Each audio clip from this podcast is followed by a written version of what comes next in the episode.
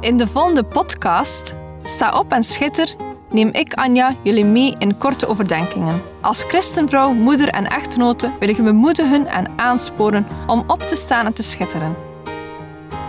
We zijn niet gemaakt om in Gods koninkrijk stil te zitten en niets te doen, maar om op te staan en dienstbaar te zijn. In de eerste plaats over God, daarna over ons gezin, onze partner of onze geloofsgenoten.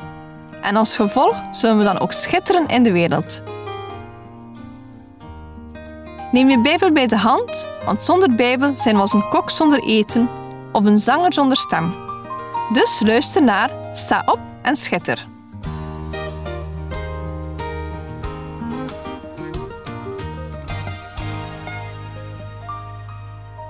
Op 6 januari is het feest van de drie koningen. Maar wat houdt dat feest in? Wat is het verhaal achter de drie koningen? De meesten kennen de namen Balthazar, Caspar en Melchior wel. Maar is dit bijbels terug te vinden? Bij het nadenken over de drie koningen gaan mijn gedachten terug naar mijn kindertijd. Ik herinner mij nog hoe ik als jong meisje samen met twee vriendinnen drie koningen vierde. Verkleed als drie koningen met lange kleden, kronen op ons hoofd en een ster in de hand, gingen we zingend van deur tot deur. En ja, ik ken het liedje nog steeds uit mijn hoofd. Drie koningen, drie koningen, heeft mijn nieuwe noet. Mijn oude is versleten, mijn moeder mag het niet weten. Mijn vader heeft het geld op de rooster geteld. Ik heb nooit stilgestaan bij de tekst van het lied tot nu. Ik schaam me diep dat ik durfde deur aan deur smeken om geld, omdat mijn vader geen geld zou hebben. Ja, ik ging van deur tot deur zingend, hopend op een beetje extra zakgeld of wat snoep. Het is pas later dat ik vernam dat het de bedoeling is om op deze manier geld in te zamelen voor een goed doel. Ik was nog kind en wist niet beter. Het feest van Drie Koningen is in België geen officiële feestdag met bijhorende vrije dag. Wel in landen zoals Andorra, Cyprus, Finland, Griekenland en enkele Balkanlanden. Drie Koningen is een traditioneel christelijk feest. Tijdens dit feest staan christenen stil bij hoe drie koningen uit het oosten op weg gingen. Een ster volgden om zo de koning der Joden te zoeken en hem ook vonden. Laten we een kijkje nemen in Matthäus 2, versen 1 tot en met 12. Toen nu Jezus geboren was in Bethlehem in Judea, in de dagen van koning Herodes, zie, wijzen uit het oosten kwamen in Jeruzalem aan en zeiden: Waar is de koning van de Joden die geboren is? Want wij hebben zijn ster in het oosten gezien en zijn gekomen om hem te aanbidden. Toen koning Herodes het hoorde, raakte hij in verwarring en heel Jeruzalem met hem. En nadat hij alle overpriesters en schriftgeleerden van het volk bijeen had laten komen, wilde hij van hen weten waar de Christus geboren zou worden. Ze zeiden tegen hem in Bethlehem, in Judea, want zo staat het geschreven door de profeet. En u, Bethlehem, land van Juda, bent beslist niet de minste onder de vorsten van Juda. Want uit u zal de leidsman voorkomen die mijn volk Israël wijden zal.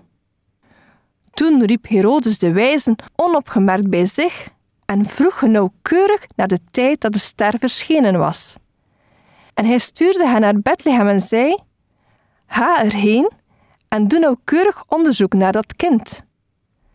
En als u het gevonden hebt, bericht het mij, zodat ook ik kom om het aanbidden.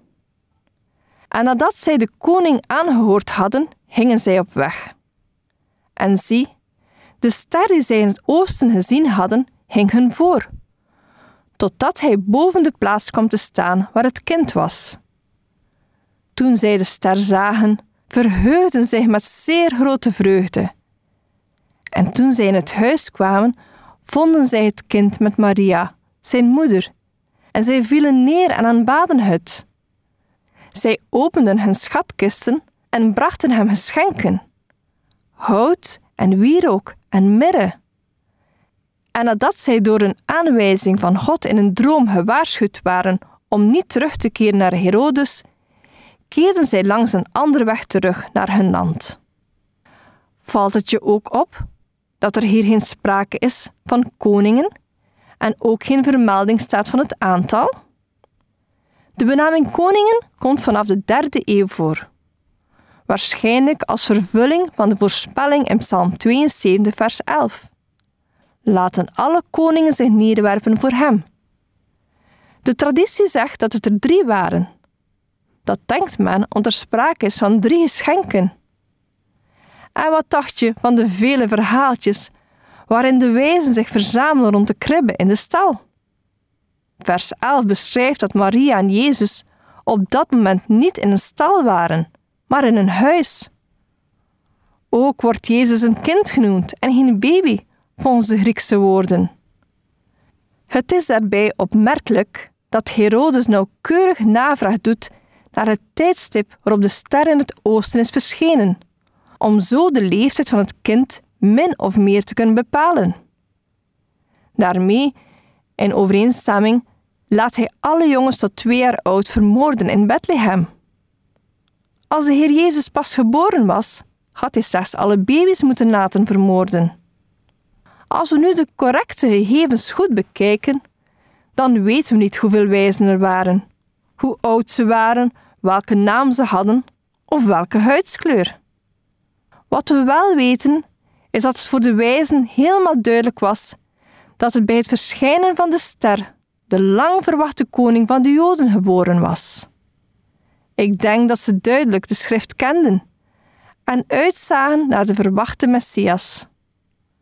God gebruikte zijn eigen sterrenstelsel om tot deze wijzen te spreken, wat zeer logisch was. Deze wijzen waren gewoon om de sterren te lezen. Dus wanneer er iets speciaals veranderde in het sterrenstelsel, zouden ze het zeker zien. Na het zien van de ster maakten de wijzen zich klaar en gingen op reis. Een tocht van ongeveer 1500 kilometer. Ze verwachten de Messias te vinden in Jeruzalem, dus daar trokken ze heen. Als ze daar aankwamen, vroegen ze niet of de koning geboren was, maar waar hij geboren was.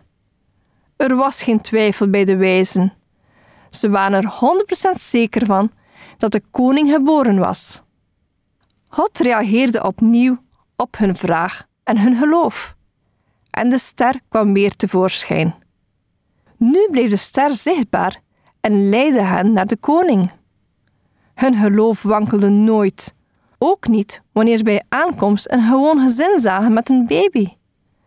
De lang verwachte Messias verbleef in een huis en niet in een kasteel.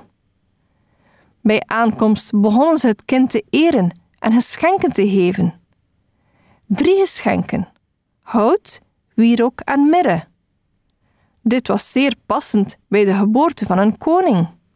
Hout was het geschenk dat een koning waardig was. Hout versiert dan ook de tronen en de paleizen van de koningen. Maar ook in de tempel zien we hout terugkomen. En ook in de hemel mogen we straten van hout verwachten. Wierook bijna altijd verbonden met de tempeldienst.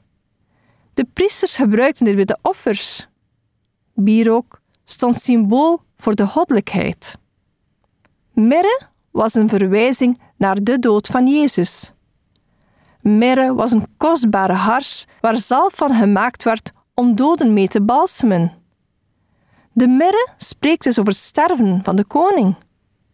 Hout, wierook en mirre zijn niet de cadeaus die ik zelf mee zou nemen naar een babybezoek. Voor de wijzen was het een prachtig symbool. Het was veel meer dan cadeaus aan het kindje of ouders. Hout stond dus voor de koninklijke status van Jezus. Wierook voor zijn goddelijkheid. En mirre voor zijn menswording, lijden en sterven. Er is een prachtig schilderij van Rembrandt genaamd Aanbidding der Wijzen. Wat daarbij opvalt, is dat Rembrandt niet het accent legt op het hout, de wierook en de mirre, maar op de manier waarop het wordt gegeven. Hij schilderde een oude, statige man. Aan zijn kleding te zien een rijke man. Deze rijke, statige man valt op zijn knieën neer voor het kind. Zijn muts, teken van zijn waardigheid, is van zijn hoofd gevallen. De dienaren van deze man kijken met verbazing en verbijstering naar wat hun Heer doet. De nederige houding en de manier waarop de man kijkt naar het kind spreekt ook boekdelen. Het is duidelijk op een schilderij te zien dat deze man zichzelf gaf. Hij wijst zich aan het kind. Ik vind het zelf een prachtig schilderij, vol van symboliek. Het gaat om het nederig naderen tot Jezus, op de knieën gaan en overhaven. De wijzen geven ons daar dan ook een mooie les in. Ze zijn op reis gegaan om hun koning te zoeken en te eren. Ze namen de tijd om het dagelijkse bezigheden te stoppen en de Messias te gaan zoeken. En wij? Blijven wij op onze plek? Of gaan wij ook op reis? Misschien geen letterlijke reis, maar een innerlijke reis, om net als de wijzen uit het oosten de koning te vinden en voor hem te knielen. Laten we vol eerbied onze koning aanbidden.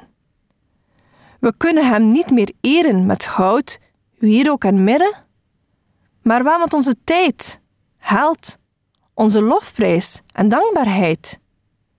Ja, het goud van toen is nu ons geld. De wierook, de dingen die we doen uit Jezus' naam, de offers die we brengen. En de mirre is ieder gebed of lied die we geven om Jezus te eren. Wij mogen ook op weg gaan zoals de wijzen en het licht van Jezus volgen. Dit licht is niet zo duidelijk als de ster die de wijzen volgden, maar het licht is er wel nog steeds. Jezus is en blijft het licht van de wereld. Een licht die we ook mogen uitdragen dit jaar. Sta op, volg de ster van Jezus en schijn in deze donkere wereld. Deze podcast kun je steeds opnieuw beluisteren via de website en app van twr.be. Als je deze aflevering leuk vond en je wilt de podcast helpen ondersteunen, deel hem dan met anderen. Heb je gebed nodig of wil je reageren op deze uitzending? Zend dan gerust een mailtje naar anja.twr.be. Bedankt voor het luisteren.